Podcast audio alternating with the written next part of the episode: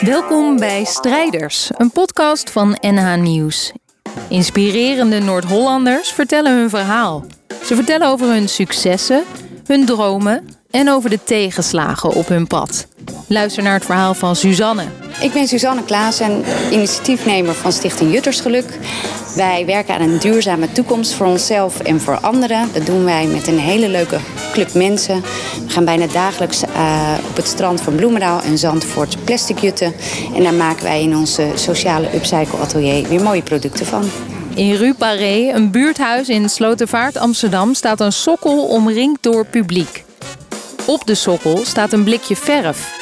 Er zit blauwe verf in en dat weet ik omdat er nogal wat verf aan de buitenkant van het blik terecht is gekomen.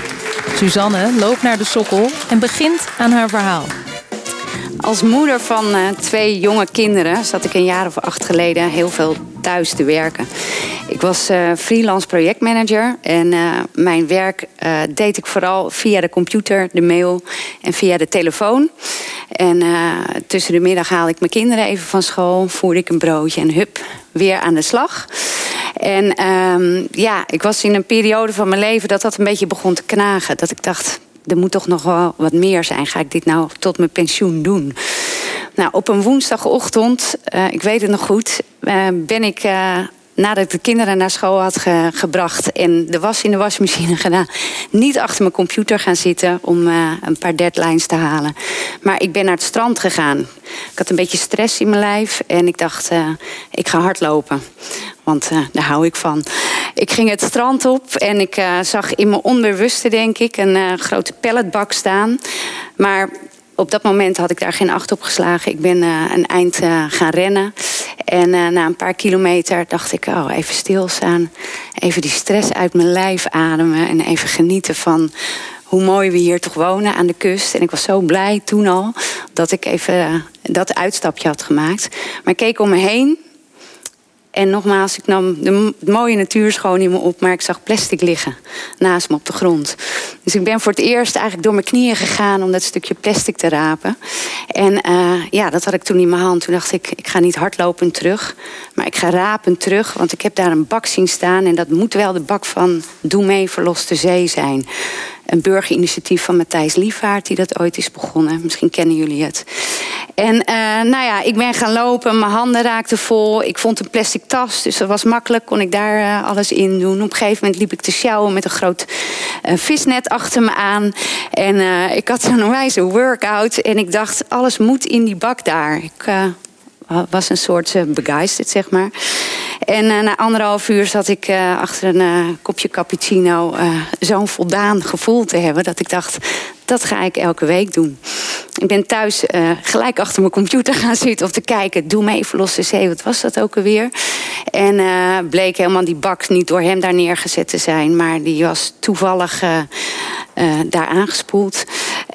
Matthijs riep op, schilder zelf wat op die bak. Dus ik ben gelijk naar de karwei gegaan om een een blikje verf te kopen. En ik ben de volgende week weer naar het strand gegaan. En ik heb daar Doe mee verloste zee op die bak ge, uh, geverfd. Nou, dat was eigenlijk het allereerste begin van een enorme carrière switch die ik heb gemaakt. Ik ben een hele periode op woensdag naar het strand gegaan. Ik kwam daar echt een beetje tot mezelf van wat wil ik nou en wat wil ik anders. mensen gingen met me mee. En um, ja, wij konden ook als gezin heel uh, ja, gelukkig zeg maar op, op een sabbatical. We zijn drie maanden op reis geweest. En wij wilden onze kinderen op Bali laten zien hoe mooi het daar is. En vooral hoe mooi het daar onder water is. Nou, ehm, je raadt het al, wij... Ehm, wij uh, uh, stonden daar.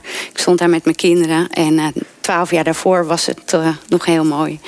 En ik zag eigenlijk alleen maar plastic aankomen drijven. Uh, ik liep al met plannen uh, rond van na mijn, uh, na sabbatical of ik ga door met het werk wat ik altijd deed. Maar dan ga ik niet meer lopen zeuren dat ik het eigenlijk niet zo leuk vind. In mijn eentje achter de computer en met de telefoon in mijn hand. Maar of ik kom terug en ik ga echt iets anders doen. En het, de term juttersgeluk was inmiddels al op die woensdagochtendjes geboren plannetjes waren ook al ontstaan. Maar ja, ik was er ook al achter gekomen dat plastic rapen en nou ja, daar iets van maken, dat dat niet echt een businessmodel in zich heeft, zeg maar. Ehm, maar ja, toen ik op Bali stond en dat zo zag, toen dacht ik voordat ik naar huis ga, wil ik toch iets doen.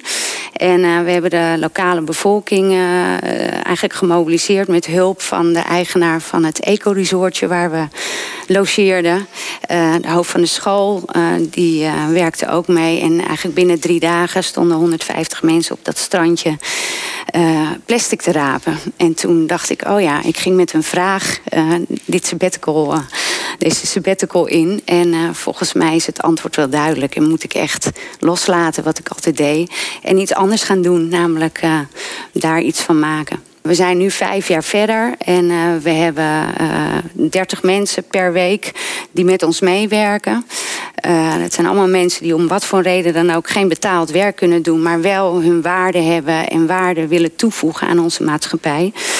Um, we pakken met z'n allen op een hele kleine schaal een heel groot wereldprobleem, milieuprobleem aan.